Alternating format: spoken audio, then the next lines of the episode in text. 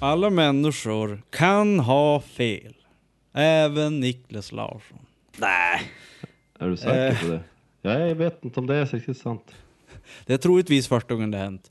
Eh, jag sa ju ett tid, i ett tidigare avsnitt att eh, jag hade lyssnat på Gene Simmons eh, podcast hos Joe Rogan. Eh, och att han var ganska vettig där. Eh, och så skulle jag ju tipsa om det. Och det leta och leta och leta. Jag hittade ingenting. Vad fan, har, har Joe Rogan och typ eh, Gene Simmons bråkat någonting så att han har tagit bort hans podcast? Och så bara letade han. Vad fan, då var det ju Paul Stanley som hade lyssnat på. Jaha. Det var inte alls Gene Simmons som var vettig i skallen, det var den andra Kiss-killen. Alltså jag visste att det var något som inte stämde när du pratade om att Gene Ja. Simmons är vettig. Ja. Jag visste det, jag visste det. Ja. Så jag retractar att Gene Simmons är vettig. ja. Ja men bra. Ja, Då har vi det utrett. Ja. Ja. Eh, och sen så, så är det eh, en person som har dött. Eh, som jag tycker att vi ska hylla lite grann. Eh, och det är ju då ACDC's gitarrist. Eh, vad han nu heter. Ja. Vad är han het? Young Ja. borde han heta i efternamn. Ja, Young. Angus, eller? Angus Nej, inte Young, ja. Angus. Nej, Angus är väl sångaren? Ma- Malcolm. Malcolm. Malcolm, okej. Nej, Malcolm Angus Young. Young är väl inte sångaren? Nej, Han det är gitarristen. Han är killen i uniformen som hoppar runt som ett... Ja, det är Angus Young va? Ja, Ja. Han, har, han har dött. Nej, men det var väl inte han som dog? Det var inte hans brorsa som dog? Nu blir det mycket retract där. PFUS sitter inne med alla fakta. Okej, vem har dött? Det är inte Malcolm Angus. Young. Malcolm har dött. Malcolm. Jaha. Alltså det är den Det är gamla hans sångaren. bror. Nej, det har Ja, inget med sångare. Han är gitarrist. Det är två gitarrister, två bröder. Jaha, okej. Okej. Gud så förvirrande. Ja. Ja, jag, är, Okej, alltså, jag vet så- inte ens vad jag heter längre. En av Young-brorsorna dött, men jag tänkte att vi kan i alla fall hylla den här döda gubben med ett gitarrsolo spelas av Tobbes mun. Give him hell.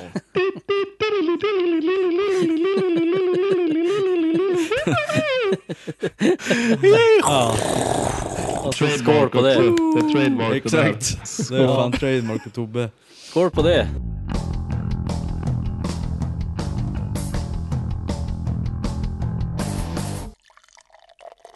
Ja, Jag drick. Tobbe han dricker te. Ja, jag, har, jag dricker detox te. Mm. Nej, jag är förkyld och måste försöka få igen resten av varit helt paj. Så jag, jag skippar ölen idag. Så ehm, eh, te dricker jag. Gå över till eh, Joel, vad dricker du? Eh, Jag dricker en Oatmeal Yeti idag. Den är en sån här ah, tjock, stout. Väldigt len och fin ändå. Lite bränd och skön sådär. Mm. Absolut, absolut bra. Mm. Hedik. Absolut bra. Jag tänkte så här, vi ska ju ha lite fokus på Nicke idag. Eh, I dagens avsnitt. Eh, så jag tog en flaska som är glad på utsidan men mörk inuti. Passande. Touché. Eh, Omnipollo Noah. En Imperial Stout med vaniljstänger, pekannöt och cola. Ja, den, den har de på eh, Omnipollo Satt. Och Mm. den eh, serverar de med en donut på. med typ så här, vad heter det, eh, spraygrädde och sånt där. Så du dricker som genom hålet i donuten?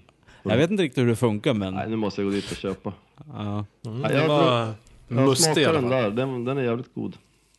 Mm, jag har hört att den ska vara väldigt Jo. bra. Den där. Högt betyg. Ja, den var riktigt, riktigt mumsig. Alltså, jag, jag, delar hela den där. podden. jag delar den där med någon kompis någon gång. Och vi drack inte ens upp hela fastän vi tog bara halva. den var, den var För tung alltså. Ja. Fast då hade, vi druckit, då hade vi druckit några öl innan så att vi var ganska mätta redan. Men det är väl som en efterrättsöl va? Ja, Eller? den är Jag god. tycker ofta det är så med de här ölerna att första klunken så är det så här, oh gud vad gott. Och sen efter halva flaskan så är det så här, ugh. Orkar inte mer. Så vi får se vad jag säger i slutet av avsnittet. Och jag kanske säger ganska mycket i slutet av avsnittet för den här är 11% i. Ja. Ja, det ser vi. Ja. Eh, och jag dricker eh, den troligtvis, jag vet inte om det är så, men den första vinter slash julölen som jag dricker för i år. Oh. Fullers Winter Ale. Det har ju snöat runt Mm. hela Sverige, så jag tänkte att det, det passar bra.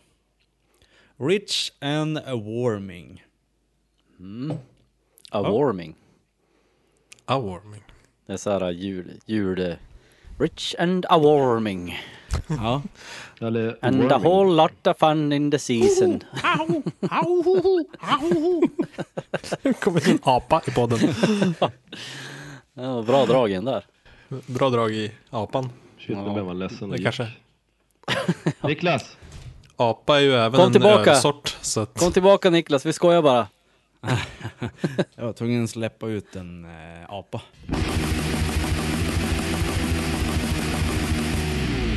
Eh, detta är den här säsongens första specialavsnitt. Vi har ju, det här är ju tredje så att det är dags för ett specialavsnitt. Mm. Eh, och jag vet inte riktigt vem som kom på den här idén. Tror det var Tobbe? Ja, Alltså, jag vill minnas- Det beror på vad det var för idé. Att, Jag vill minnas att det var jag, men jag kan, Okej. jag kan ha fel. Tänk att jag kan Okej. inte minnas att jag ska ha glömt bort det. Okej, vi, säger att det, vi säger att det var Tobbe då. Ja, säg det. Okej, ja, okej. vad, vad är det jag har kommit på?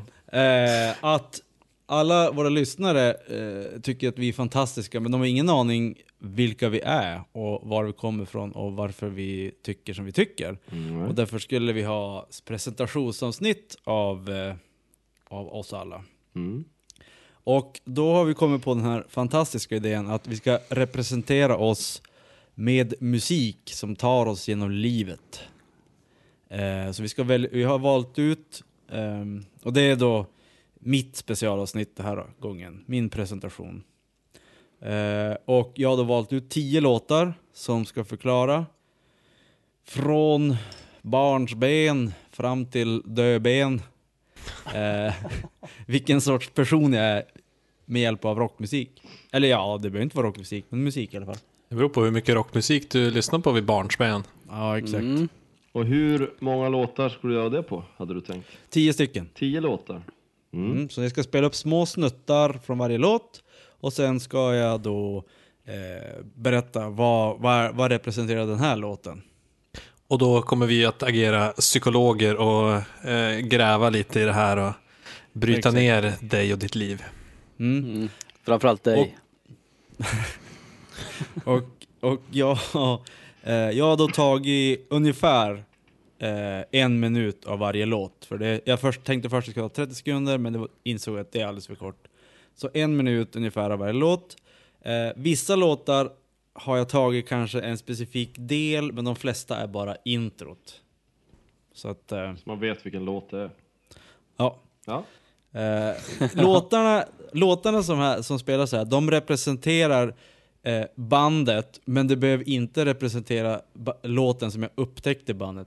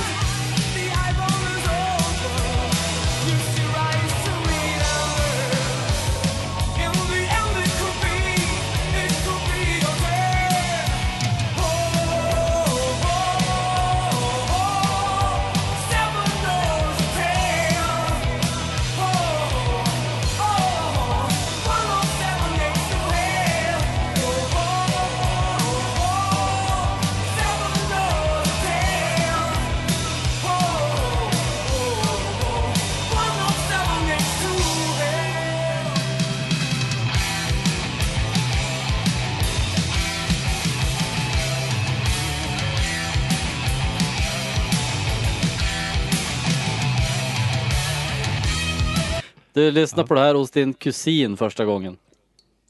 Mhm. Ja, Jag gissar bara nu. Okej. Eller att det var Ekenstedt din, alltså. din brorsa som spelade upp det.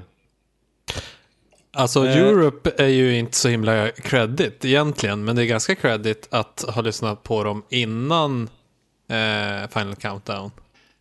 Ja, Det gjorde ju inte jag. Nej, jag tror, för det här är väl eh, pre-Final Countdown. Jag tror, jag vet inte faktiskt. det är Eh, från första det- plattan tror jag. Tror Seven också Doors det. Hotel heter väl skivan? Jag tror Nej, också det. Wings of Tomorrow heter den. Ah, okej. Eh, men Alla, alla Europe-fantaster, eh, skicka inga brevbomber. Sorry. Bara lite bajs. Om ni vill. Lite bajs. Ja. ja, nej men det här, det var så här att eh, Europe var nog det första rockbandet som jag blev eh, kär i. Och jag var till och med i deras, med i deras fanclub. Förr har jag bara varit med i Nintendo-klubben. Men nu var det en fanclub. Eh, och jag minns att jag köpte någon sån här turnévideo med Europe. Och där var det en sån här, ja, massa live-grejer och sånt där från Japan. Och då var den här, Seven Doors Hotel, med. Den var, det var alltså, jag hörde den, jag hade inte hört den på skiva, jag hörde den bara på, på den här turnévideon och tyckte den var så jävla bra. Så det var därför jag tog med den här låten. Mm. Ja, det är ju en bra låt. Det måste man ju ge dem. Wow, oh, oh, seven doors hotel. Och den är verkligen Och- så här, den, den, den sammanfattar 80-talet så bra, den låten. Ja. Musikaliskt. Eh, och, men tänkte ni på, på det här riffet som var i slutet av det här klippet? Det var svårt att missa när du sa lyssna på det här. Är det någon, är det någon, som, har nå, är det någon som har något att säga om riffet? Nej, Det ingenting. var ett jävligt mäkigt riff. Eh, jag, det var ju ett tag sedan jag lyssnade på den här, men jag satte igång det. Jag bara, vänta nu, har jag satt igång rätt? Det här låter som Perusia. Nej, vad säger jag? Det här låter som, eh, eh, vad heter det? Martin Nygrens band.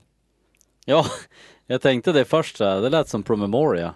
Promemoria, det lät exakt som Promemoria, soundet och allting. Ja. Mhm.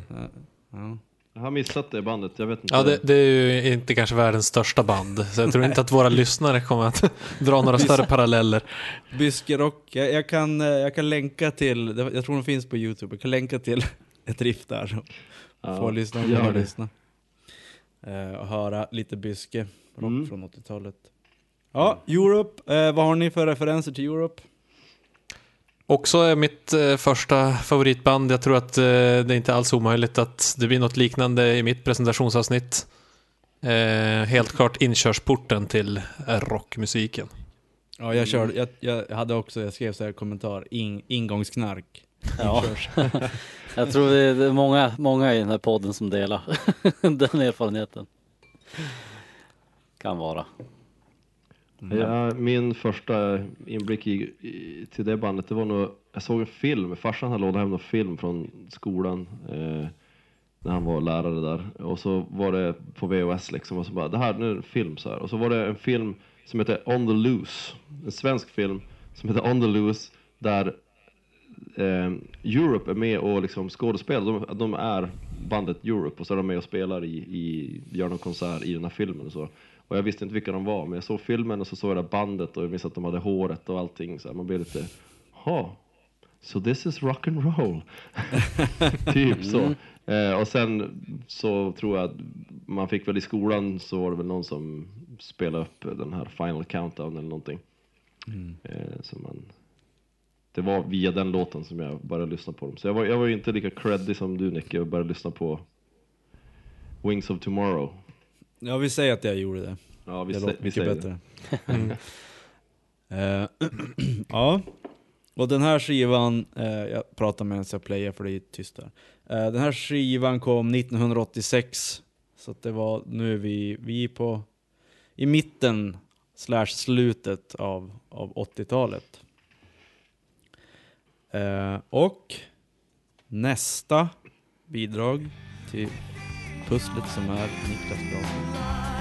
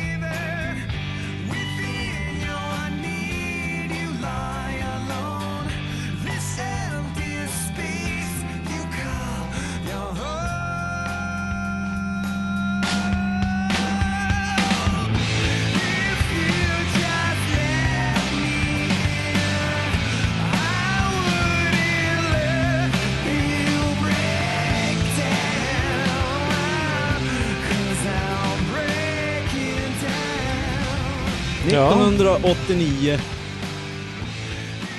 så släpptes en skiva med detta band. Vad är det för band? Jag känner inte igen det där. Nej, jag vet inte heller vad det är.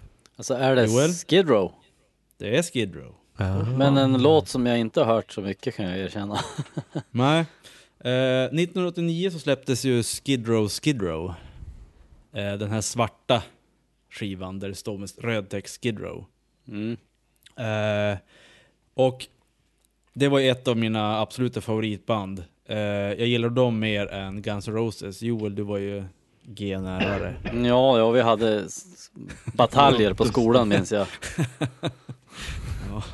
Och vem som satt på Eh. tronen. Ja. Eh, och om, om man ska gå tillbaka nu så du vann ju med hästlängder. Ja, i, i så här, I, i långlevnad av musik. ja exakt. Eh, Skid Row känns ju väldigt, väldigt, alltså de gamla låtarna känns ju väldigt, eh, vad heter daterade. Ja, fast du vann ju Eh. på ett annat sätt, för du fick ju över mig till Skid Row eh, lägret. Och det, det blev, jag började lyssna mer på dem än Guns N' Roses Ja, okej. faktiskt. Och då, då började du, då köpte du Use Your Illusion skivorna. Ja, just det. Och de köpte jag aldrig för då, hade, då var redan Skid Row frälst. jag köpte Slave to the Grind istället. ja. eh, exakt, och Slave to the Grind, det här är ett milsteg. Den släpptes 1991, det var den första CD-skivan jag köpte. Det är ju en jävligt viktig milstolpe. Mm, den är jag kvar än idag. Ja, Men det är ändå är- ganska snyggt. Ja. Eh, Alltså, jag tror att många har mycket skämmigare första skiva som de köpte. Än Slave to the Ja. Grind. Den är ganska creddy. Den köpte jag på LP faktiskt. Oj, det är ännu Fast- mer credit nu Ja, för fast den jag hade köpt, börjat köpa CD-skivor men jag vet inte varför det blev så. För CD var ju hippt då. Det var ju det, var ju det man ville ha egentligen. Ja, det var ju jävligt ute med hela vinylgrejen. Ja, Ja. just det. Men vad Eh. hette, den, vad hette den här låten som vi lyssnade på Ja, nyss? eh, den här låten heter Breaking Down.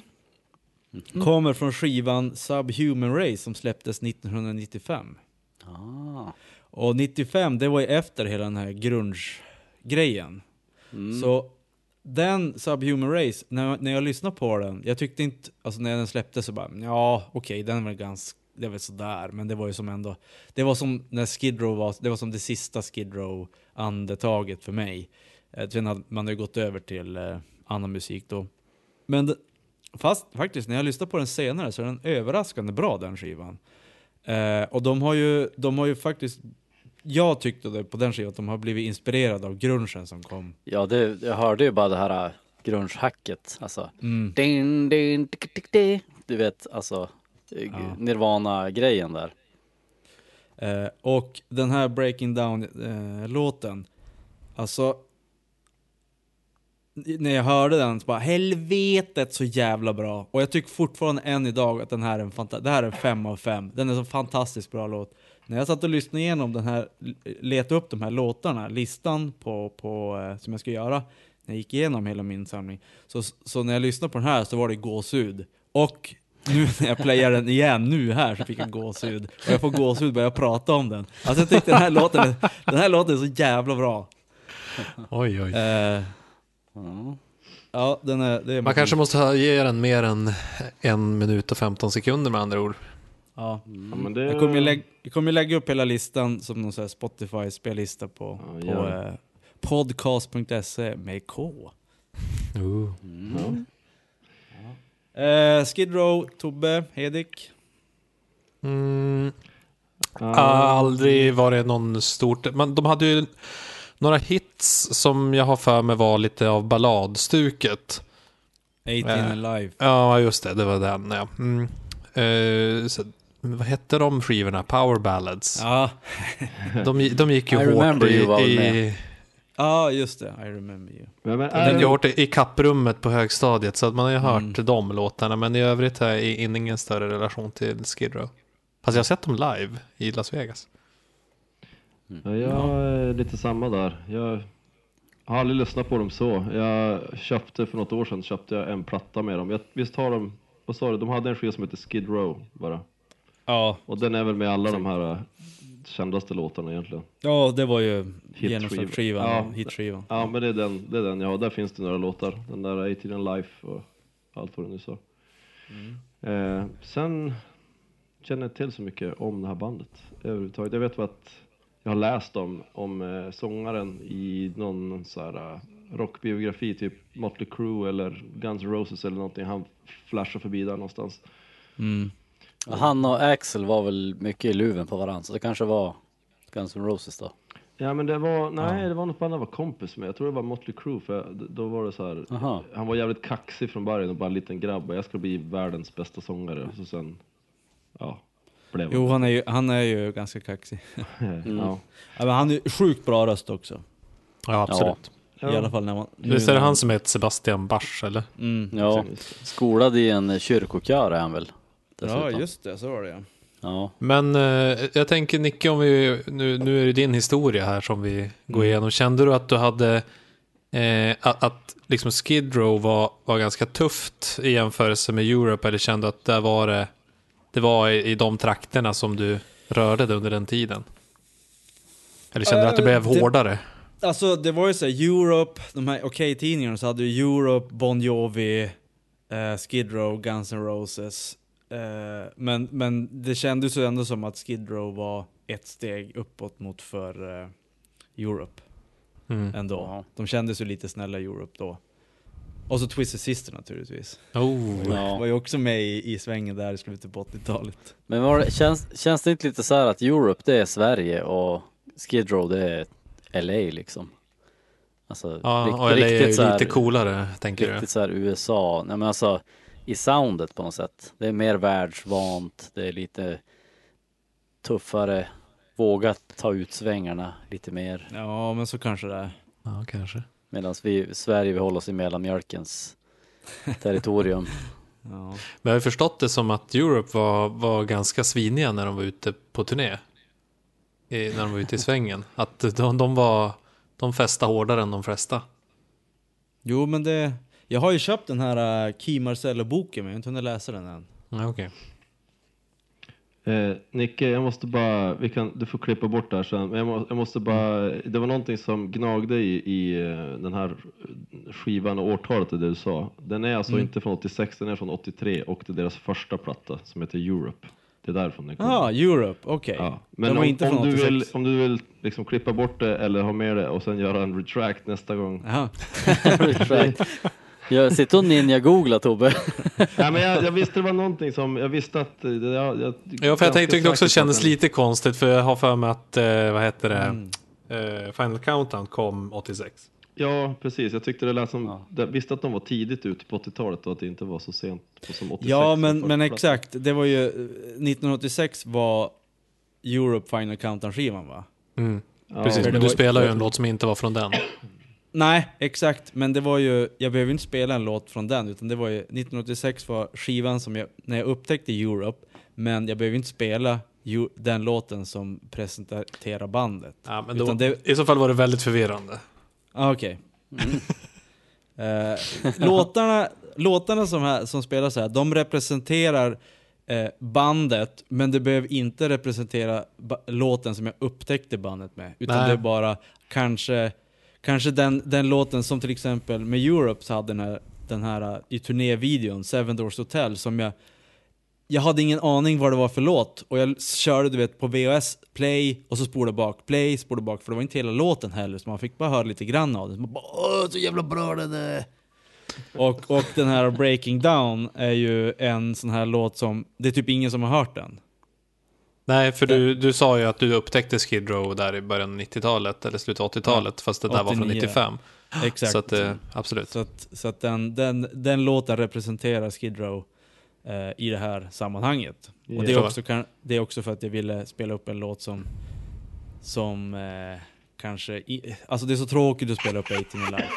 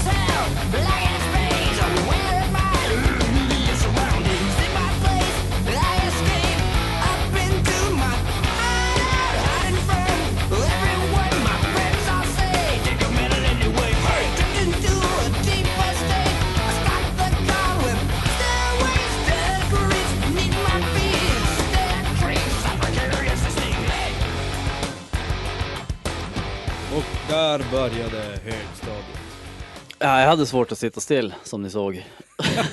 Ja, jag också. Headbanga. På min, på min vinda. Ehm, Ja, de, de, det här bandet behöver ingen presentation. Nej men det var ju inte kanske den mest kända låten av det här bandet så att det dröjde ett tag. Det, det dröjde till sången innan jag Exakt. visste vilka det var. Det är Ja, väldigt, okej. det är alltid sången som, som är the dead giveaway med det här bandet. ja. Det var alltså Megadeth, eh, Rust in Peace-skivan. Och om jag inte är helt ute och cyklar så släpptes den 1990. Mm, det, och lå- det låter 1990, sant. ja, 1990 Joel Mm. och eh, Hedenström, då börjar man högstadiet i våran ålder. Eh, Stämde? Mm, nej, 91 va? Ja... Eller nej, för det Eller var det hösten 90 hösten blir det ju 90 förstås. Ja. Man gick ut 94, ja det stämmer. Mm. Eh, för det var väl då Joel Nej, som vi... eller? 91. Ah, skitsamma. Ja. Men eh, det här, här någonstans så hoppar man från ganska, ja, alltså rockmusik till metal. Eh, och, och det representerar typ att man flyttar från, nej man börjar skolan, man gick, jag gick ju i Åbynskolan och sen här började jag i Byskeskolan. Mm. Eh, och börjar få nya influenser från andra människor som än jag och Joel. Och Gösta. Och Gösta. Ja. Eh, och ja, Rust in Peace. Jag har aldrig gillat, eh, före den här skivan aldrig gillat, jag tycker alltid var tråkigt med gitarrsolon, men den här har ju gitarrsolon stup i kvarten, men det är fantastiska gitar- gitarrsolon varenda, varenda en. Det är inte ett enda som går att klippa bort om man ska vara producent på den här skivan. Nej. Nej, han får sitta det, still. det, det, det är magiskt alltså. Det är Ja, det magiska. Ja. Eh, Men det som jag tänkte, jag tänkte på en sak, det där med årtalen. Att eh, du måste ju tänka på att allt kom ju ett år eller två senare upp till obygden där vi är ifrån. ja, det Så är att sant. den här släpptes säkert 1990 men det var ingen i, i Västerbotten som hade hört den här skivan 1991. Den kom 91 till Sverige, 92 till eh, Västerbotten. exakt. Ja, jag skulle räkna in o- Sverige till obygden på den tiden. Ja, jo. Det var, det var nog så. Filmerna kom ett halvår senare här. Men hur kommer det sig att du, liksom, jag känner att Megadeth på den där tiden eller ens någon tid är ju kanske inte det mest kommersiella bandet. Hur, hur kom du i kontakt med dem? Eh, det kan Joel berätta. Ska jag? Det här är Ja, ditt du, avsnitt. Du, du minns det bättre än vad jag gör. Eh, Ja. jag, tror, jag tror att det var en äldre person på Byskeskolan som tipsade oss om det här Ja, bandet. Det var det. Det, var, det han, det var- spelade, han spelade nog för oss till och med. Mm, Och så för det blir- var så här att eh, en dag per år, eller per, vad heter säsong, som Termin. man går skola, termin, så fick man vara ansvarig om man ville för ett, eh, vad heter det som man har på skolorna? Elevrum. Ett rum. Elevrum, ja. Och det man, det man fick då, då fick man gå från klasserna och så fick man gå dit och, och spela musik. Eh, och det var väl säkert någon gång där som den här personen spelade sin musik på, på där och så sen så tyckte man att det var, det här är lite spännande, vad är det här för någonting? Mm. Och vem var det? Det var Tobbe Mm. Öman från Byske. Han spelar ju något, han sp spelar ju något eh, hårdrocksband som jag inte kommer ihåg vad de hette. Men det var inte Promemoria. Nej, jag tror- Promemoria Jag tror han spelade i Andromeda. Andromeda, Andromeda hette eller, de. ja. eller Så något Pro- sånt. Ja men det, det hette de. Det var Promemoria och Andromeda. Ja. Väldigt lika namn. jo, verkligen. Mm. Eh, som som Ah, eh, ledde mig in på på, på eh, metalen. Ja, jag har ju aldrig sett dig som en metal-kille så att det, det, det är intressant att se att du har rötter där. Mm. Men det var lustigt, Ja. om, jag, om jag får bifoga lite. Det var bra att du berättade från början. Jag gillar ju att ta över annars. Men, Ja det är Men- bra. men vi satt ju där i gökboet. Jag minns ju, du och jag satt där och hängde. Alltså det kallades för gökboet där man satt och var DJ liksom. Så vi satt där vid en, som en liten bardisk och pratade med den här Tobbe då. Och han bara, ja men det här är, det här är bra grejer killar, det ska ni spela för. Och så spelade han upp låt efter låt liksom. Han körde ju mycket, ja men det var Metallica, Ride the Lightning och det var Kill 'em All och så här. Och så körde han Och, Mega... och sen var det Keeper of the Seven Keys minns jag. Ja, Oh, Hell- Halloween körde han väldigt Halloween. mycket. Ja, Halloween. Men eh, jag, jag, som, jag, jag har tänkt många gånger på det här, men varför var det just Megadeth som fastnade? För han spelar ju alla de stora liksom. Ja, Och det var de enda vi fastnade för var Megadeth. Och så ja, Metallica så smått, men det var ju inte på grund av Kill 'em All direkt. nej. Eh, jag vet inte fasen vad det var alltså. Eh, det kan På vara... gitarrsolorna. Ja, exakt.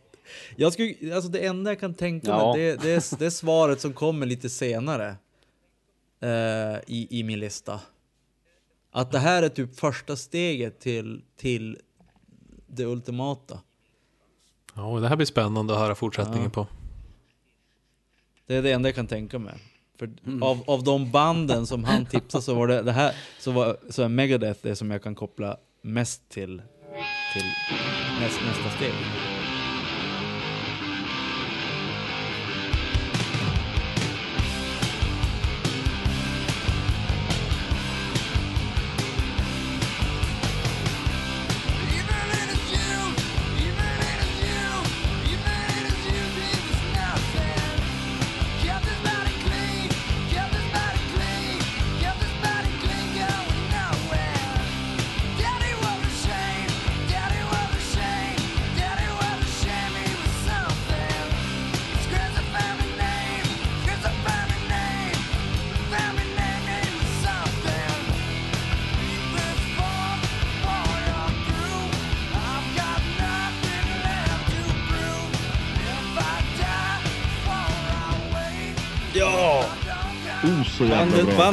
Ett till band som inte behöver någon presentation.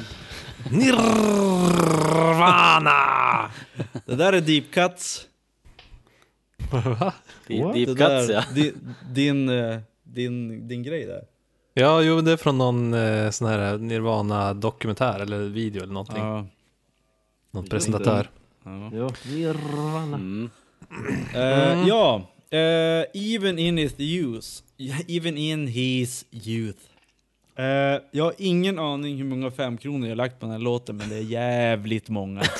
Och jag har fått höra varje gång du har lagt fem kronan.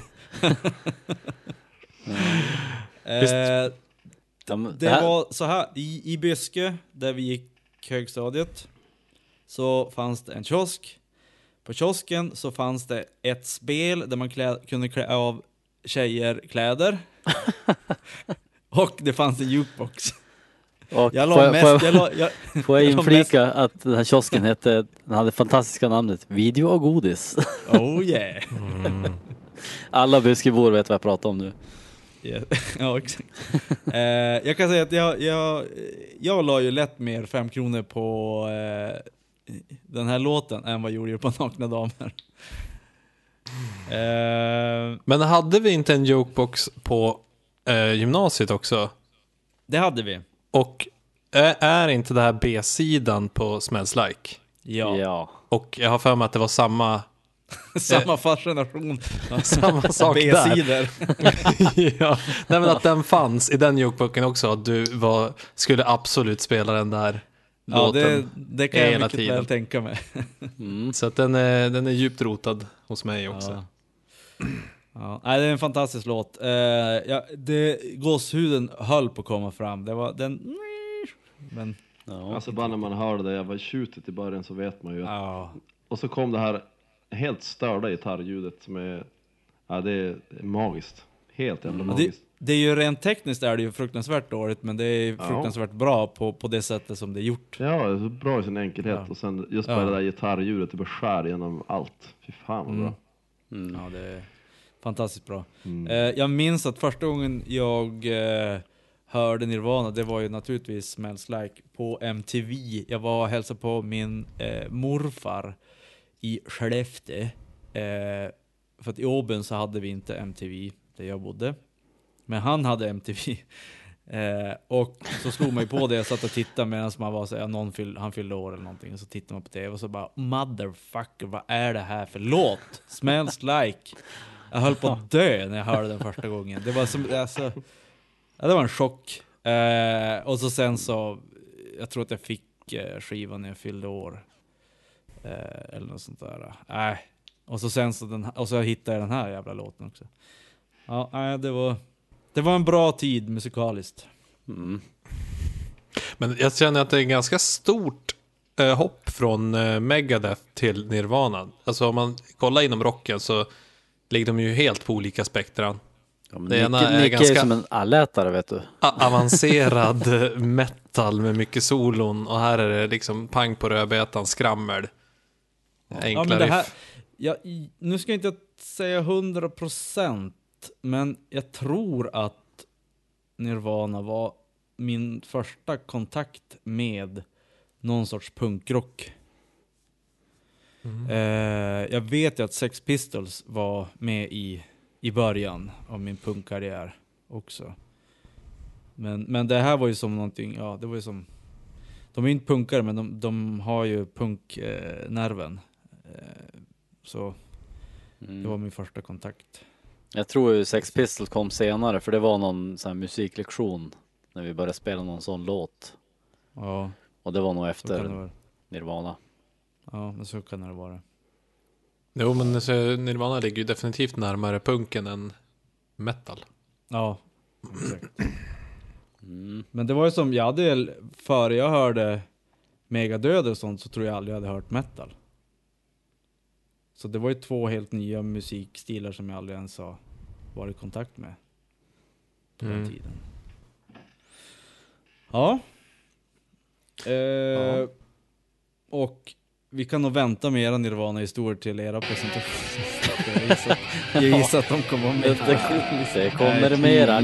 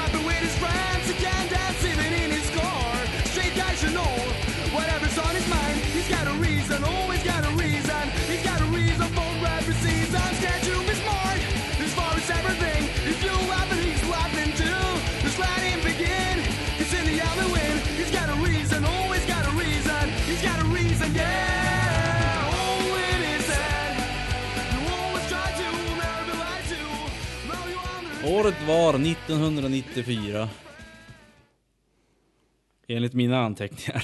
Solen sken över det härliga Skellefteå. Eh, ja, Millencolin.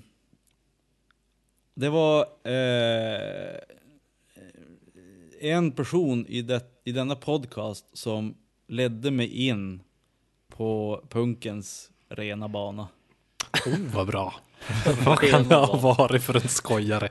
Ja, han är skyldig mig jävligt mycket pengar för jag har köpt mycket skivor på inom punkmusiken kan jag säga. Ja. Ehm, ja, Hedenström. Mm. Eh, jag vet inte fan hur det var, men jag minns att du, du bara, ja du måste lyssna på det här bandet. Som var Millencolin. Och jag minns att jag lyssnade, oj! Glömde stoppa. Eh, jag minns att jag, jag bara, mm, ja, mm. men så kom den här låten. Eh, Disney Time heter låten. Och den, det som jag minns med den här låten, det var att det påminde om metal. För det var muterade ackord. Ja, jag tänkte faktiskt på det när jag hörde låten nu, att det var hårdare än vad jag minns med Millencolin. Men det kanske var just den här låten då. Ja, exakt. Det, det är väl tidiga Millencolin där, de är Ja, det här är genomslags... där. Ja, genomslags... Tiny Tunes-skivan. Mm. Mm. Det hör man ju på, Eh. på sångaren också. Det är mer vilja än teknik. Ja, exakt. eh, men det var just de här uh, muted muted chords som, som jag blev hookad på och sen så började man lyssna mer och mer och sen så. Sen så var det ju hela, då var det ju lägvägen, face to face, allting, all, all punk. Och jag kan säga att på, på högstadiet så minns jag att jag lyssnade på några Bad Religion-låtar, bland annat Atomic Garden och Against the Grain tror jag det var. Eh, men det var som inte så att jag tyckte de var bra, men resten tyckte jag var värdelöst. Men sen så blev man ju hooked på, på skatepunken och då, då kom ju Bad Religion som serverat på ett silverfat. Verkligen. Ja, jag tänker att Bad Religion borde du också ha fått rätt tidigt från mig. För jag tänker att jag lyssnar nog mer på Bad Religion än på Millencolin på den tiden.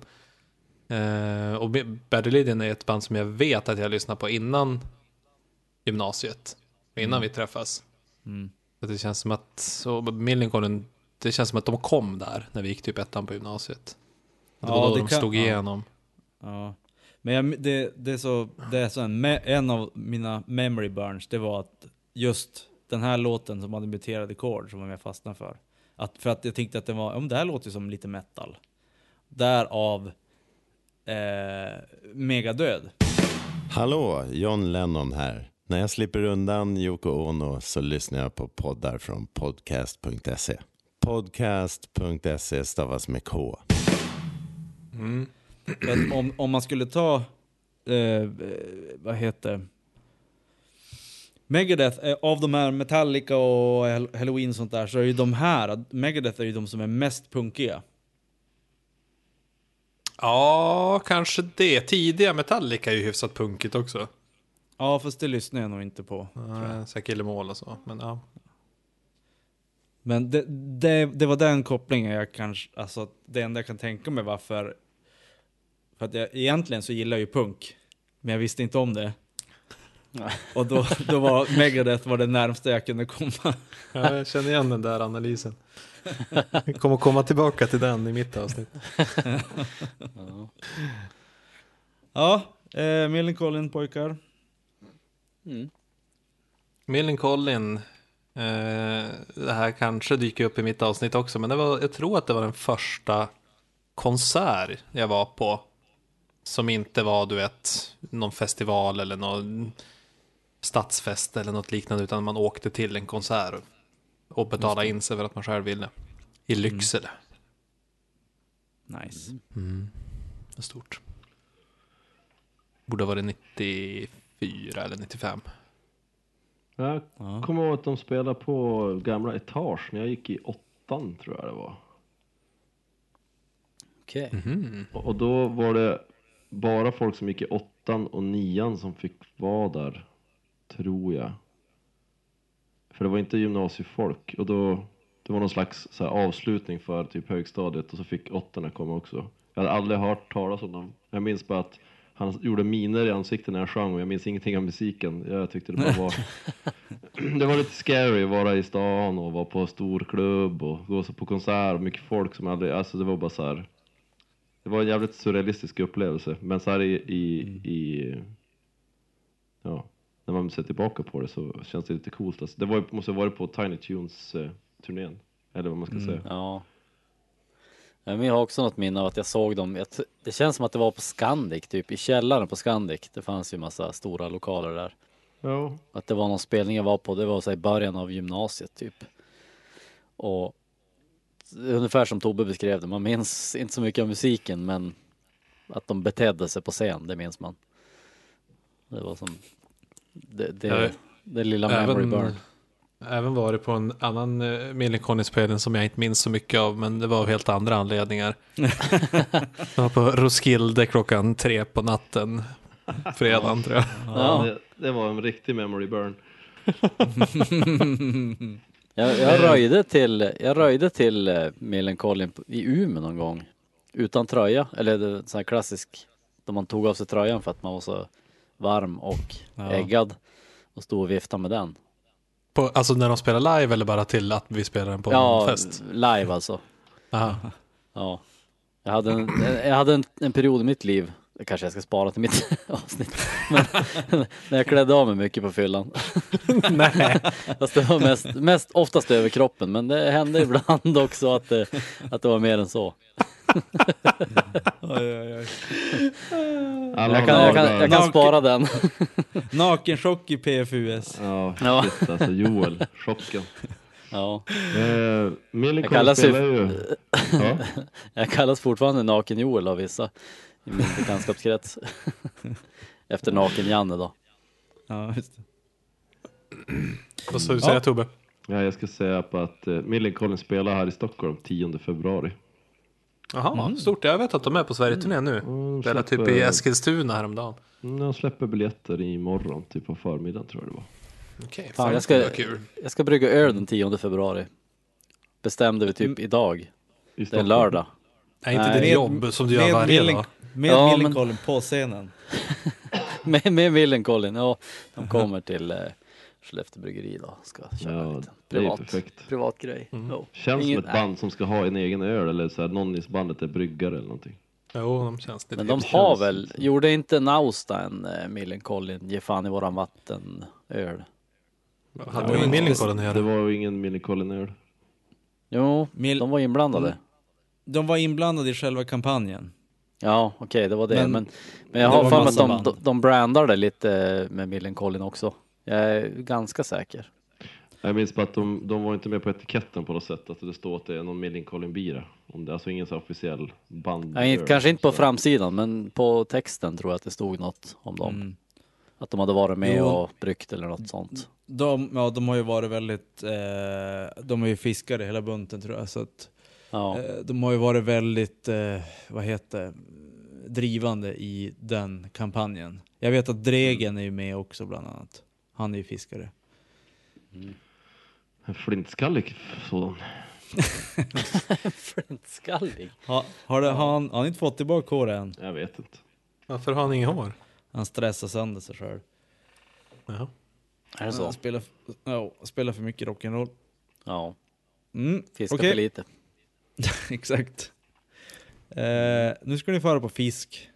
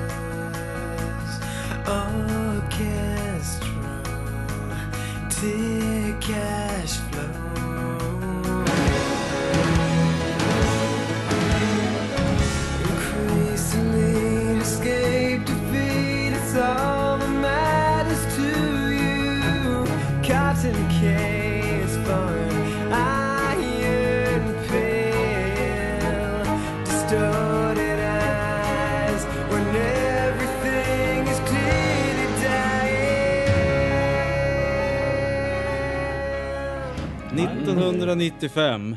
Då släppte Silverchair sin första skiva, Frogstomp. Eh, Den här låten är inte från den skivan, utan den här låten är från Emotion Sickness. Nej, den heter Emotion Sickness. Skivan Neon Ballroom Neon Ballroom, så är det ja. från 99 Eh, va? 99, ja typ något sånt. Eh, och det som eh, Silverchair representerar här, i den här presentationen, det är flera saker. Det är ett, det är internet.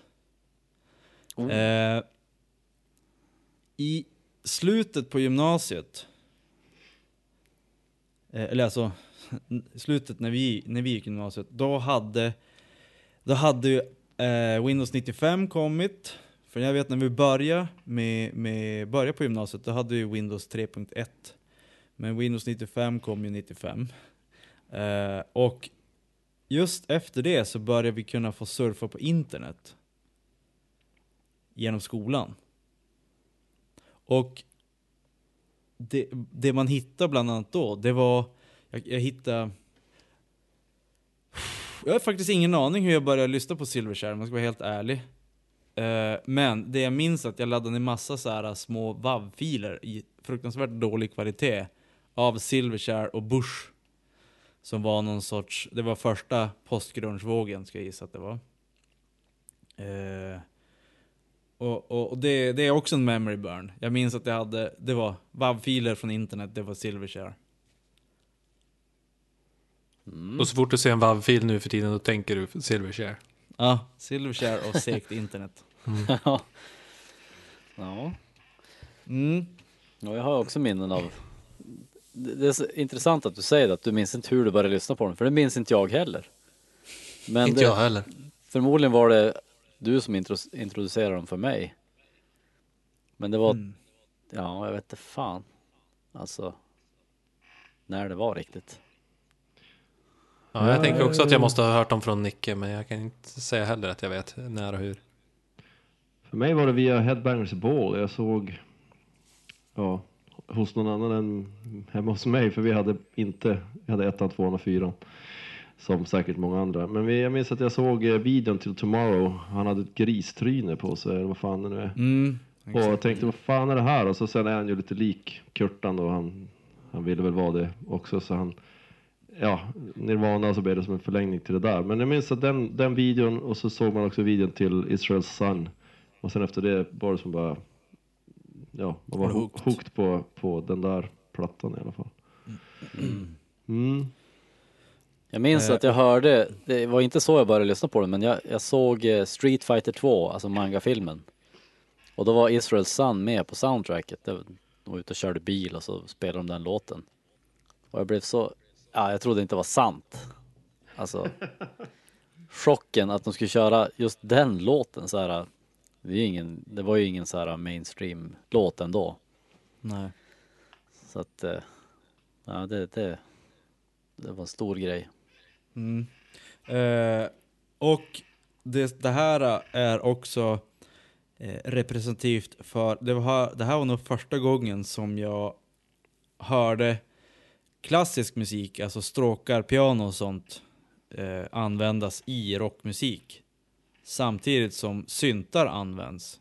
För den här skivan, du har rock, och så har du stråkar och sånt och så sen har du eh, syntar också.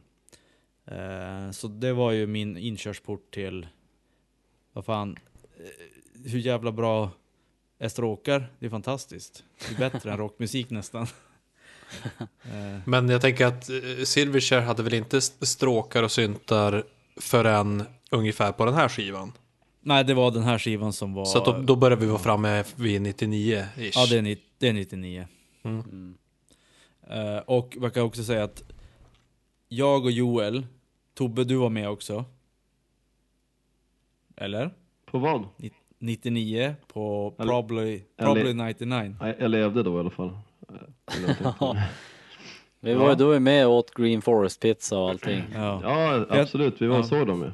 Ja, Mm, för det, för det, det är här någonstans, Tobbe, som du kommer in i mitt liv. Ja, det stämmer nog ganska bra. Ja, runt den här, runt den här 95-perioden. Ja, fast Eh, 99-perioden. Ja, okej, 99. Ja. Men eh, då var i alla fall, vi åkte ner till Stockholm, såg eh, Silverchair och The Phantom Menace Ja, samtidigt. just det, var samma Oh. resa. Ja, just det. Så det är Ja. också, det är jävligt mycket memory burn där. Ja, så det var både lycka och besvikelse kan man säga. på den resan.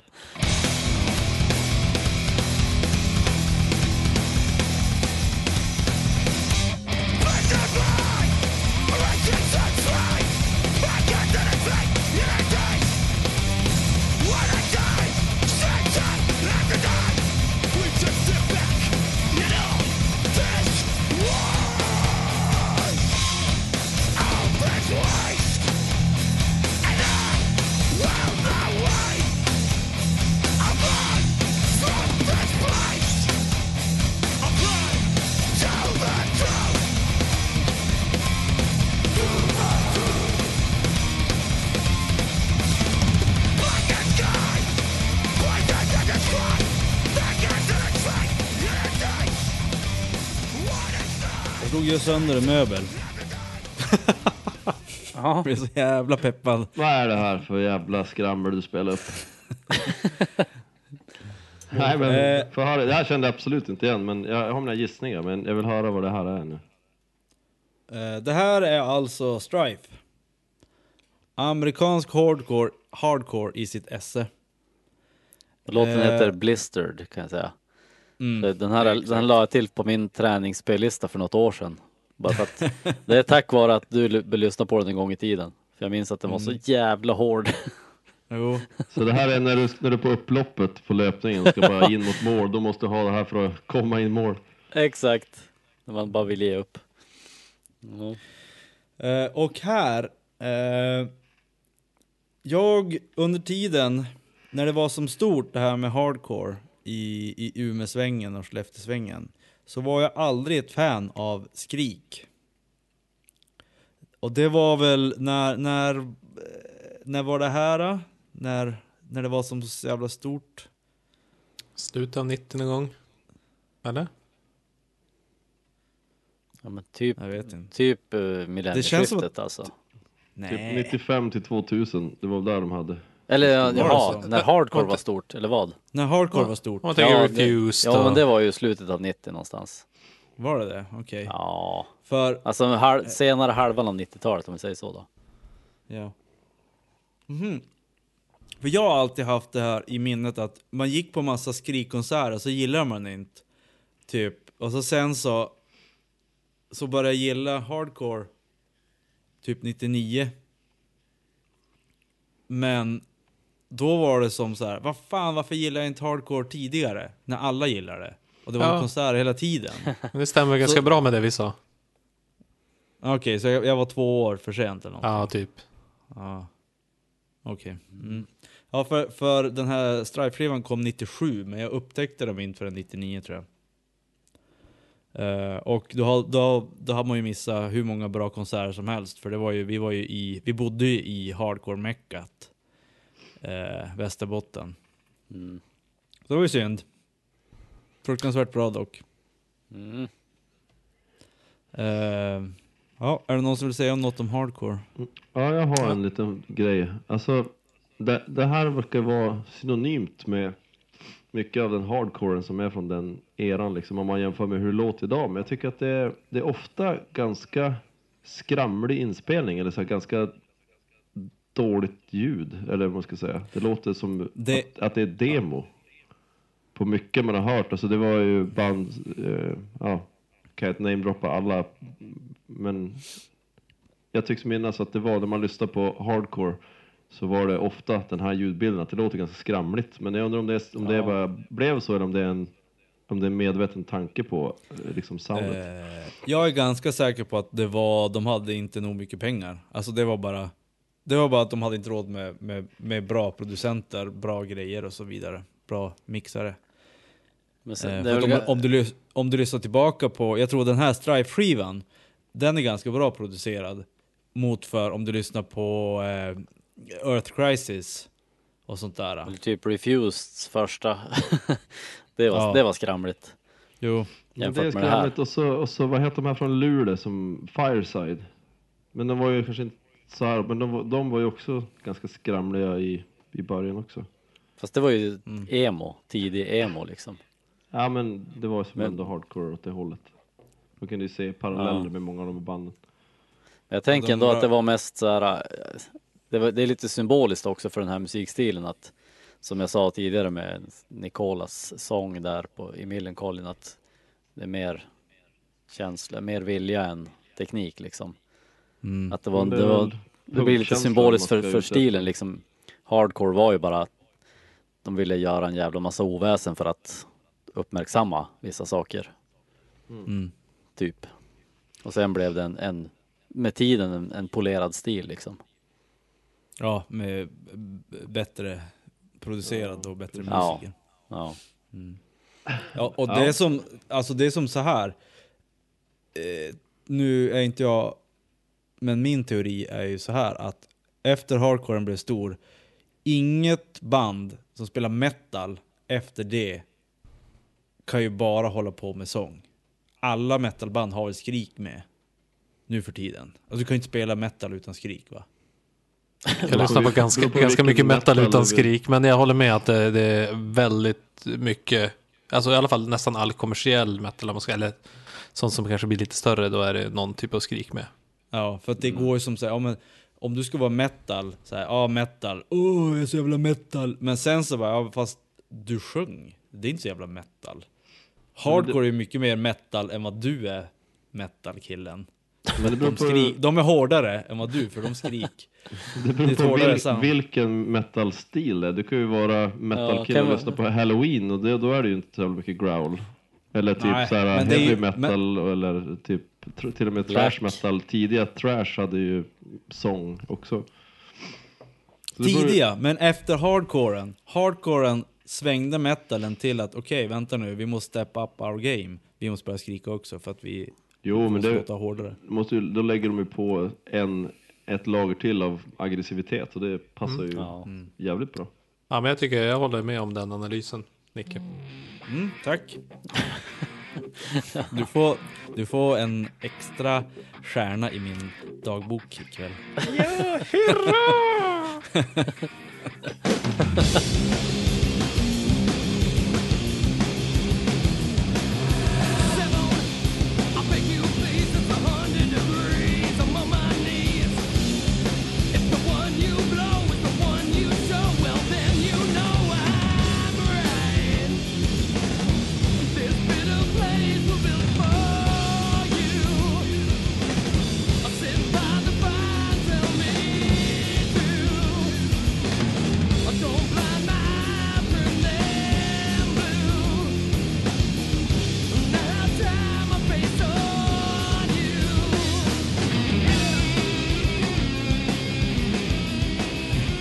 blir 100 grader, jag lovar. Det blir 100 grader. Mm. Eh, det här är ju lite eh, intressant, eller helt ointressant. Eh, jag upptäckte faktiskt hardcore och stoner samtidigt. Inom spannet av ett år. Så både Eh. drogfri och drogfylld musik på samma gång. ja. Ja. You, you, you need to have the yin, yin if you have if you have the yang. ja, just Så det. är det ju. Ja. Uh, no, och här har vi fortfarande den här, eller röda tråden. Den här 100 grader var den första låten som jag bara wow, motherfucker. Och det är ju för att den är lite snabbare, lite punkig. Mm. Och det är ofta Eh. så jag kommer in på eh, ny musik också. Att man, Mm. den punkigaste och snabbaste låtarna, de bara, ja ah, det här känns som nå- något som jag känner igen och trivs med. Mm. Sen så upptäcker man resten av musiken sen. Mm. Fan, är Vilket band var det vi lyssnade på? Eh, Kajes. Mm, jag misstänkte att det var dem. Mm. Eh, och eh, det är eh, 100 degrees är från Sky Valley. Eh, och ska vi snacka, ska vi snacka eh, dåligt producerad musik så då har vi ju kommit rätt. Eh, det är ju fruktansvärt dåligt ljud på, den här, på, på de här skivorna. Även om eh, man, de ville ju ha ett visst sound, men det är ju också dåligt producerat. Är inte lite också så här, eh, alltså alla var väl någonstans pårökta när de spelade in det där. Även så inspelningskillen. Mik- Mixerkillen bara... Om inte, om inte för dig maskin så passiv rökning kanske. Ja, Ja. exakt. Det lät säkert jävligt bra i deras huvud när de spelade in det här. Ja. Det finns ju en punkvibb i det här också. Alltså de Ja. här snabbare låtarna. Så att det- är som... Det är väl så med, med alla de som gör de här, de här första, som gör någonting som är nytt sådär, som är det första. Det är ingen som vet hur fan man ska producera stoner rock. Det var ingen som visste vad fan det Nej. var liksom. Och sen var den, ha- de gjorde ju den här Wretch-skivan. Mm. Den låter ju väldigt mycket mer, den är, är mer metal-producerad. Mm. Eh, och han sa ju det, han hade ju försökt, vad heter det, Josh Homme hade ju försökt förklara. Ja men jag vill ha det här soundet. Han bara, fast han fick, fick inte till det. Alltså han mixerkillen eller producenten och sånt där. Så han vart ju helt besviken så. Han fick som han ville fast, fast han skulle haft lite mer pengar för att Han fick som han ville men inte riktigt som han tänkt. Nej, exakt. Eh, och det jag kan säga om Kaius, att vi var såg Kaius Lives för fem år sedan? Eh, nästan tio år sedan. Tio jag. år sedan ska jag säga. Ja, What? Okej. Det var typ 2007 eller 2008 tror jag. Eller nio, Okej. ja Mm. någonstans där. Huvudsaken var att vi fick styrkan då. Ja, exakt. Och att Tobbe fick en blodig hamburgare. Ja, jag har inte käkat på Kelly sedan dess. Så det är så. Och det, och det, säger, det säger mycket. Eh, den här konserten var ju alltså ett icke-officiellt Kaius-band. De fick inte heta Kaius, de hette Kaius Lives. Och det var alla med utan Josh. Ja. Eh, och jag kan ju lätt säga att det är fortfarande en av de bästa konserterna jag varit på. Ja, Det var, som, det, var, det, det, var inget, det var inget speciellt själva konserten, men, men musiken är ju så jävla bra. Och det var så jävla bra live, alltså rent. Mm. Ja, det var sjukt bra. Vi, vi, visst var vi där alla fyra då? Nej, jag var Ja. inte med på själva konserten. Jag var bara med på Okej. förfesten. Just ja. Du var ju med och skrev den enorma Ja. hitlåten innan. Ja, Exakt. just det. Ja. Jag la fokus där. Ja, Mm. Men jag har ju aldrig lyssnat på Kaius sådär. Alltså, ja, jag har klart jag har hört låtar men inte lyssnat på. Så det kändes inte så aktuellt. Du är mer en kotsekille. Godsa däremot, Mm. absolut. Mm. Jag är på Josh Hommes lag. Ni ser Du- på hans band utan honom. Ja. Mm. Du, du kommer när resten av folket också börjar gilla det. Main. Mainstream-kille. Då, Mainstream då Erik. vågar han. Ja, Exakt. Ja, men okej, kanske, kanske okej nu då. Kanske, okej. Eh, en annan liten rolig anekdot eh, med Kaius, det är ju att eh, och då, jag har säkert sett den här intervjun för jättelänge sedan, men jag har ju sett den senare, och det är ju Nirvana blir intervjuade, och de säger bara ah, grungen är död, bla bla bla. Den nya grungen lever i eh, vart den är, och heter. Jaha, Det, är- det är, vad heter han, Dave Grohl som säger det. fan vad coolt. Ja. Mm. Eh, och jag har hört en intervju när han pratade om det senare. Han bara, jag- jag minns, han bara, jag minns hur jävla bra jag tyckte det var bra. Va, hur, hur jävla bra jag tyckte det var när jag hörde Kaius första gången. Att det var som det var helt, helt nyskapande, fantastisk musik. Mm. Det kan jag hålla med om. Det är fantastiskt bra. Ja, men det är Ja. lite... eh, det är lite grunge-vibbar, fast på ett annat sätt. Alltså det är Ja, Mm. lite underground musik sådär. precis. Skitigt. Men det kan, vi väl, Skitigt. det, kan väl, det kan väl nästan bli den här eh, presentationspoddens liksom tips. Att har ni inte lyssnat på Kaius så måste ni göra det. Mm. För det är ju, Ja, det, det är verkligen, de, de ledde ju, de, de uppfann väl i princip stonerrocken.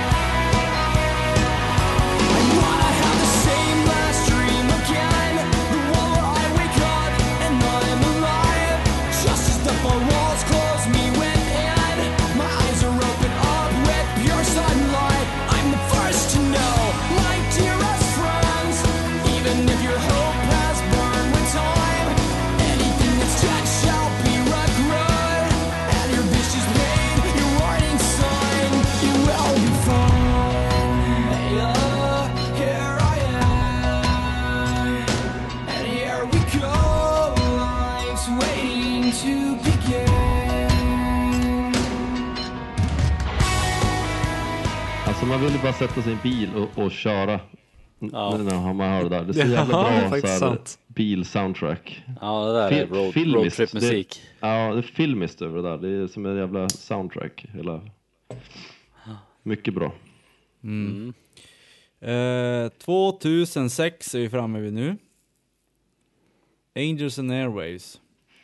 Det är alltså gitarristen slash sångare från Blink som skapade ett nytt band efter att Blink eh, splittrades. Och då blev det sån här musik. Det blev punkig U2-musik kan man säga. Mm. Eh, och när jag hörde den här låten första gången så dog jag. Så jag är Jesus, jag är återuppstånden. Jag tänkte just fråga något åt det hållet. Eh, och det finns vissa låtar som, det spelar ingen roll hur, hur många gånger jag lyssnar på dem eller hur... Eh, alltså jag, jag blir, jag tycker att de, jag tyckte de är lika bra som första gången. När jag lyssnar på dem. Och det här är en sån låt. Den här låten. Jag kan lyssna på den tusen gånger, det spelar ingen roll. Jag tyckte den är lika bra som första gången jag lyssnade på den. Vad heter låten? Eh, den heter... eh, The Adventure, va? Adventure. Mm. Yeah. Eh, och Smells Like Teen Spirit, som vi pratade om tidigare, är också en sån låt. Eh, uh, Emotion Sickness, som vi också lyssnade på tidigare, är också en sån låt. Uh, och sen så är det en Blink 182-låt som jag inte kommer på just nu. Uh, men, nej, men Angels and Airways var också en sån här, vad ska man säga, ögonöppnare av ny musik, ny, en ny sorts musik. Det var ju baserat i vanlig poppunk men tog det till det episka. Lite av den här eh, Silvershare, Emotion Sickness, stråkar, syntar eh, grejen. Eh, det magiska. Det magiska. Ja, Det Det är nå- magiska. någonting med gitarrplocket där, du nämnde som U2 eh, som influens där. Det, det här, vad- säger man, delayet och reverbet och allting. Det, det sätter en jävligt härlig stämning i musiken. Ja, det gör ju det. Ja, Jag måste säga att de har ju verkligen en helt eh, egen stil, eller vad ska jag säga, sound. Ja, man kan som Mm. höra dem, så, man behöver inte höra mycket av en låt så vet man att det är Angels and Airwaves. Ja. Jag, jag vet, nu kanske det har gjorts en massa efter det som låter så här, men i, i så fall har inte jag hört det. Det känns som att Nej, det är väldigt eget. Det är väldigt eget. Det, och jag, de sålde ju väldigt bra med, med första skivan, men det, det är som aldrig att de har blivit... De har aldrig som så här kicka off, eller vad ska jag säga. De har aldrig blivit så här super... Su, det har aldrig blivit ett superband. Vilket, vilket jag inte förstår, för jag tycker att det är kanske det bästa bandet som någonsin har funnits, ever. Ever. Det borde, Det- ju, det borde göra sig bra på arenor och typ stora, Ja. riktigt stora Men scener. de, de, jag- de har aldrig kommit till den nivån. Det är synd. Jävligt Ja. synd. Eh, verkligen synd. Eh, Turnerar de idag och är ute och spelar och sånt eller är det mer som ett studioband?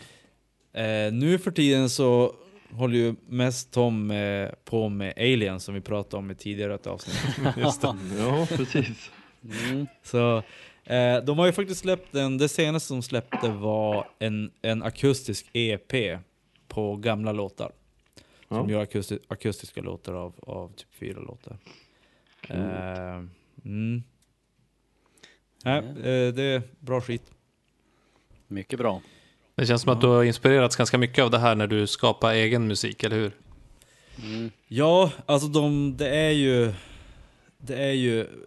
Punken är alltid grunden till allt vad jag gör. Det är ju tre ackord, tre, fyra ackord och ganska trallvänligt. Eh, och sen så är ju då det här med stråkar och pianon från Emotion Sickness och syntar. Eh, är sen grunden och så sen så lite Angels and Airways på det. Det är, Mm. som, det är mitt, mitt band och, och den musiken som jag vill skapa Mm. eh, främst eh, är de elementen. Mm. Man förstår också. Trallvän, tra, trallvänligt, man ska kunna sjunga med som i ett skatepunk och det ska vara det ska vara mäktigt med stråkar och det ska vara lite så här syntar futuristiskt och, och, eh, och lite fart och fläng. Ja. Fast ändå inte så snabbt.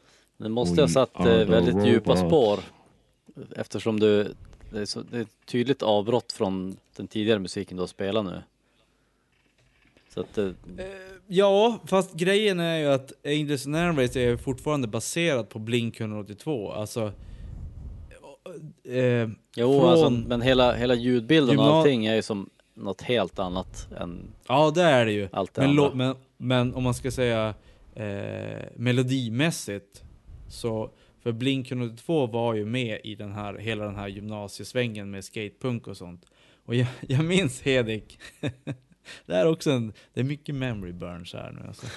eh, Jag minns att jag, jag hade hört Damn It, eh, Blink 182-låten som kom från typ deras skiva innan de blev kända. Jag hade spelat in den från typ, du vet, man spelar först in den på, på VHS från typ någon sån här topp, toppipop någonting. Och sen så kopierade jag över den- från VHS till kassettband. Så man kunde lyssna på den, alltså I freestyle. i freestylen. Exakt. och så minns jag att jag hade, jag bara Hedik, för helvete, du måste lyssna på det här bandet, det är så jävla bra. Jag minns, att, jag minns exakt var vi satt när jag visade den här. Och sen så satt, ja, och så satt du, du, vi satt vid två varsin datorer och så, spel, och så bara, ja, fick du låna min freestyle och lyssna på det. Och så du bara, nej det var inte så bra. jag tänker att jag, jag tror inte att jag kan ha fallit för det, för jag, Blink har inte varit något band som har varit så stort i min bok. Nej, Tyvärr. Åh, nej det, vad ledsen det, jag blir nu. Så, så nu, jag, nu kommer jag stryka över den där äh, stjärnan som du fick i dagboken. Ja. ja, lite diskret överstruken nu. Exakt. Eh, Men, men jag, jag kan ju säga att av alla de här eh, punkbanden från gymnasiet så är de, i, vad jag kan säga så tror jag att Blink 102 är de som har hängt med mest och de som har utvecklats mest av, av alltså Bad Religion har ju släppt samma skiva i x antal år. Eh, Blink har ju faktiskt utvecklats eh, och sen splittats och sen blev det här eh, magiska barnet, Angels. Så fortfarande fortsätter, fortsätter att ge guldkorn efter guldkorn. Ja, jag, Okej. lys- jag, lys- säga, jag lyssnar på deras platta I, I Empire, heter den väl? Mm. Jag lyssnar på den alltså varje dag när jag gick till jobbet i typ sex månader tror jag, eller något sånt där. Ja, Det var ja den är som- bra. Ja, det var fullständigt lysande platta.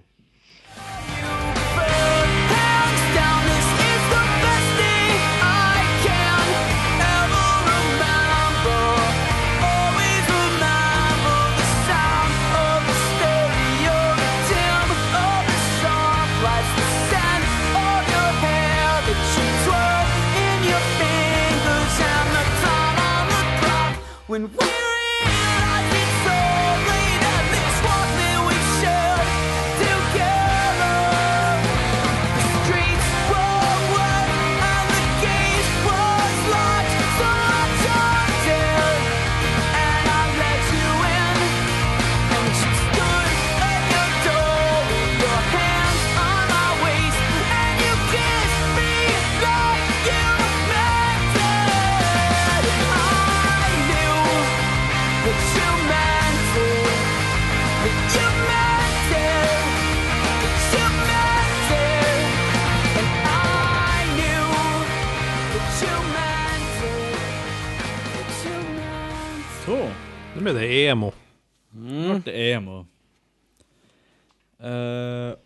har du blommat Där- ut.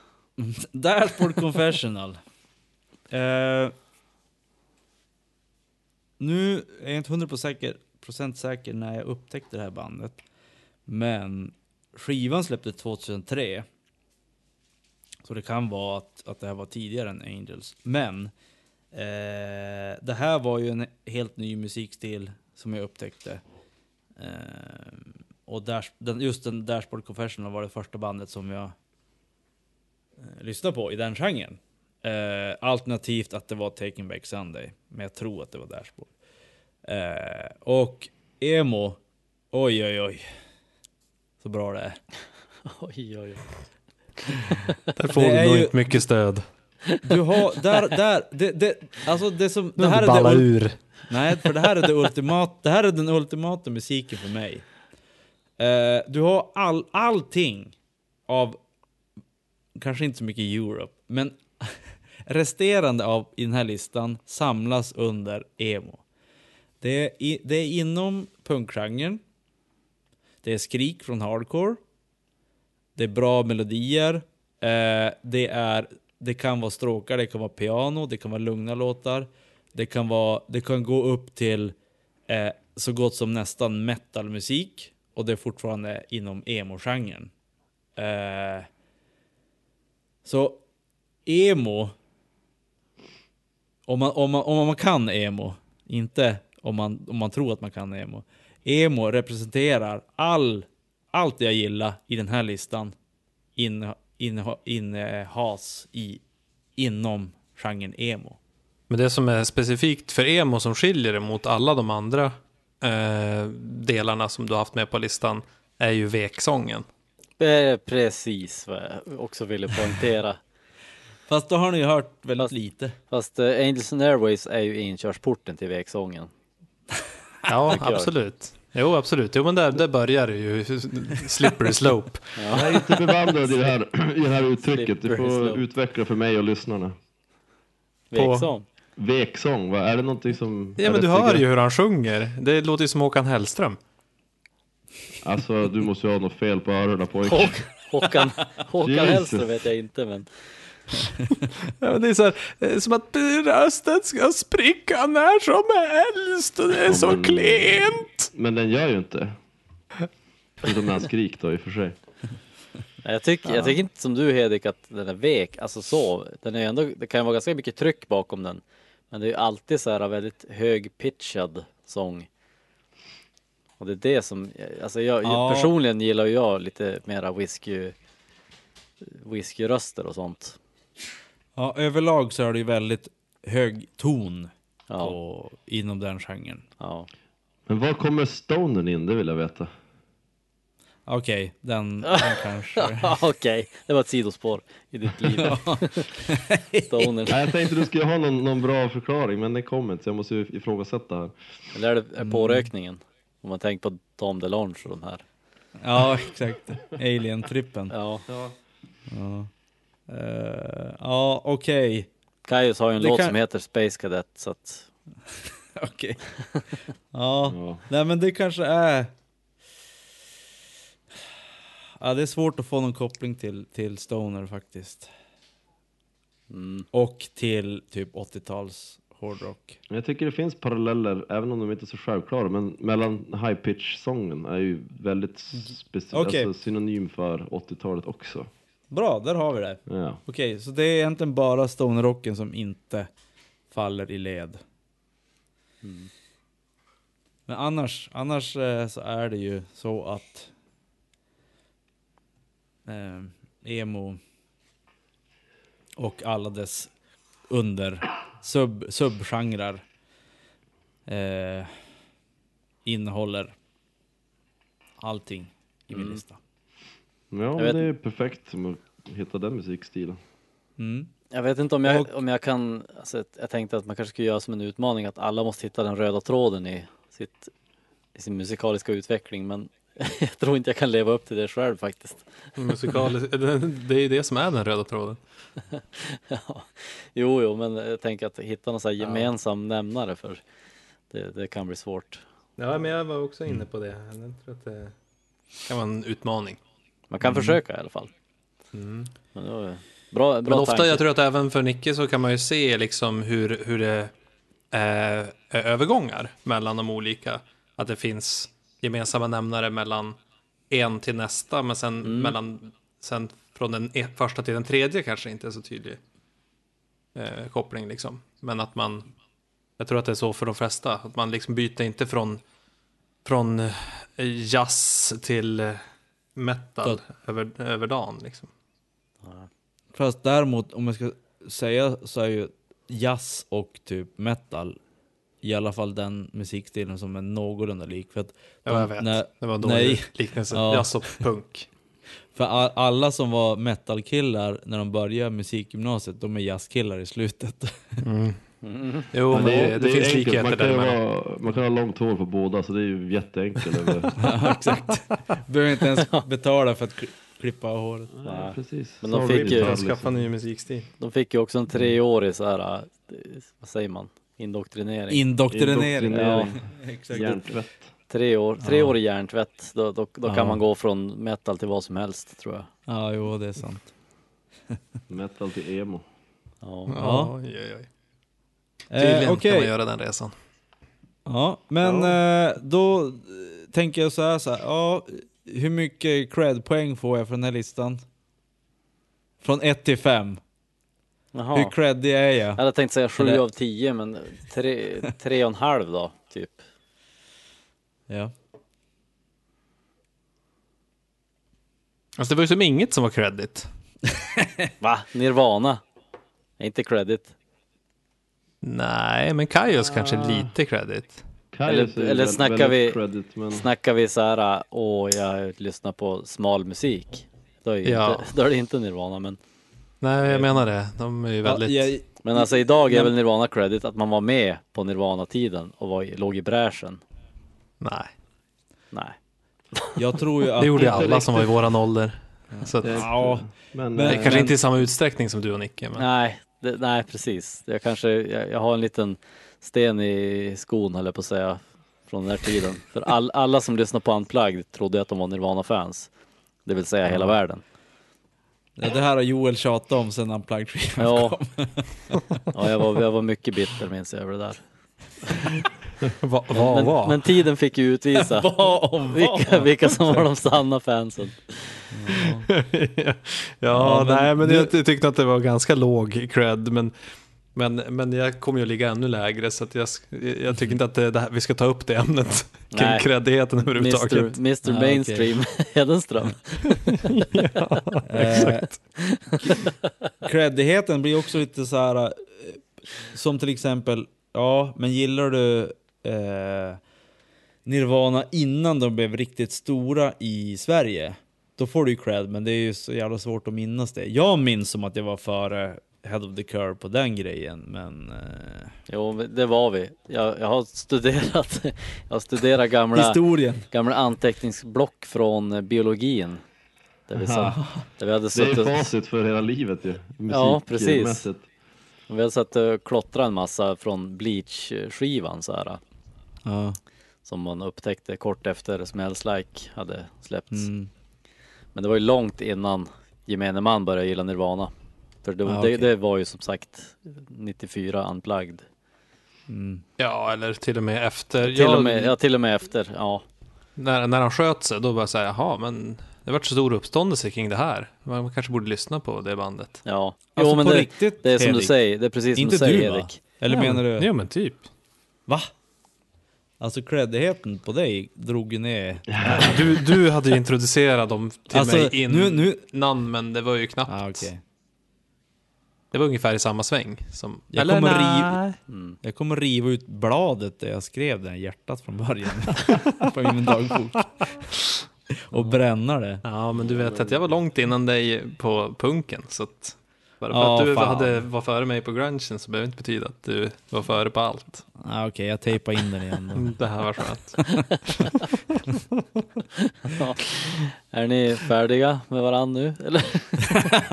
Får vi också prata? får Får vi andra prata? Starta en egen podd ni två.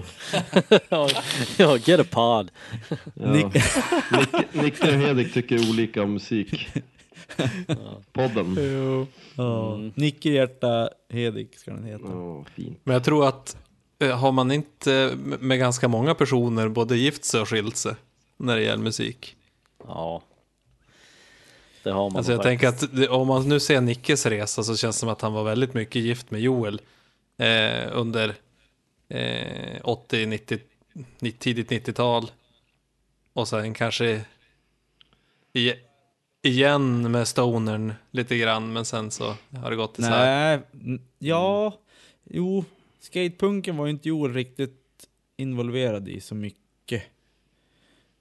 Inte Men riktigt det på. Nej, här jag- med, med, med hardcoren också, att det, det börjar sp- splitta sig lite mellan det där också. Jag vet att ni spelar ju tillsammans lite HC, men det, alltså i längden så har väl Joel, jag vet inte, gillar du någon hardcore som kommer idag överhuvudtaget?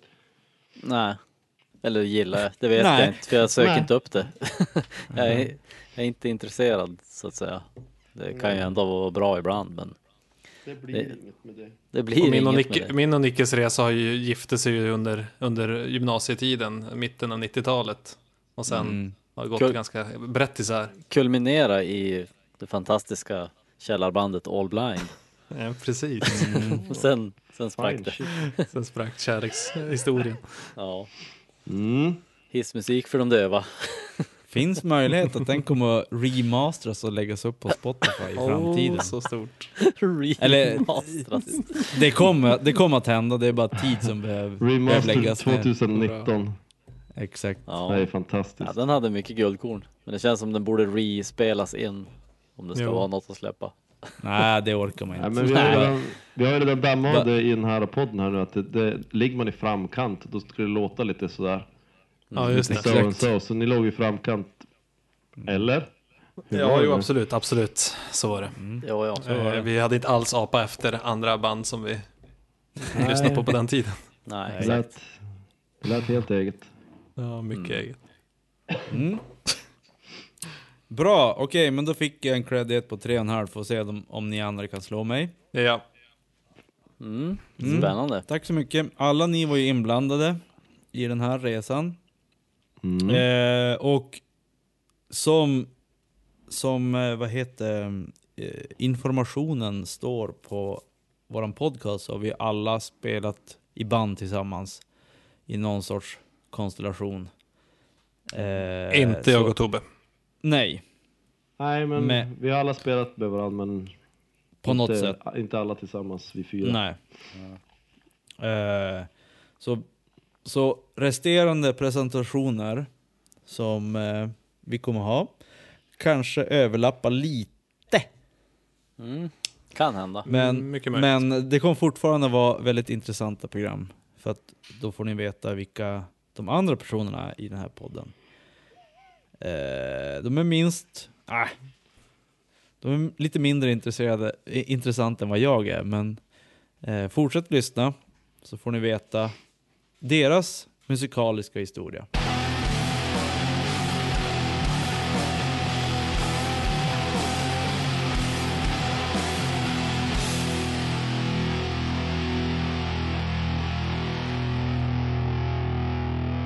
Alltså kukens kukar, alltså Ja, det är kukens alltså Ja, det är kukens alltså Ja, det är kukens kukar. Ja, det är fint det.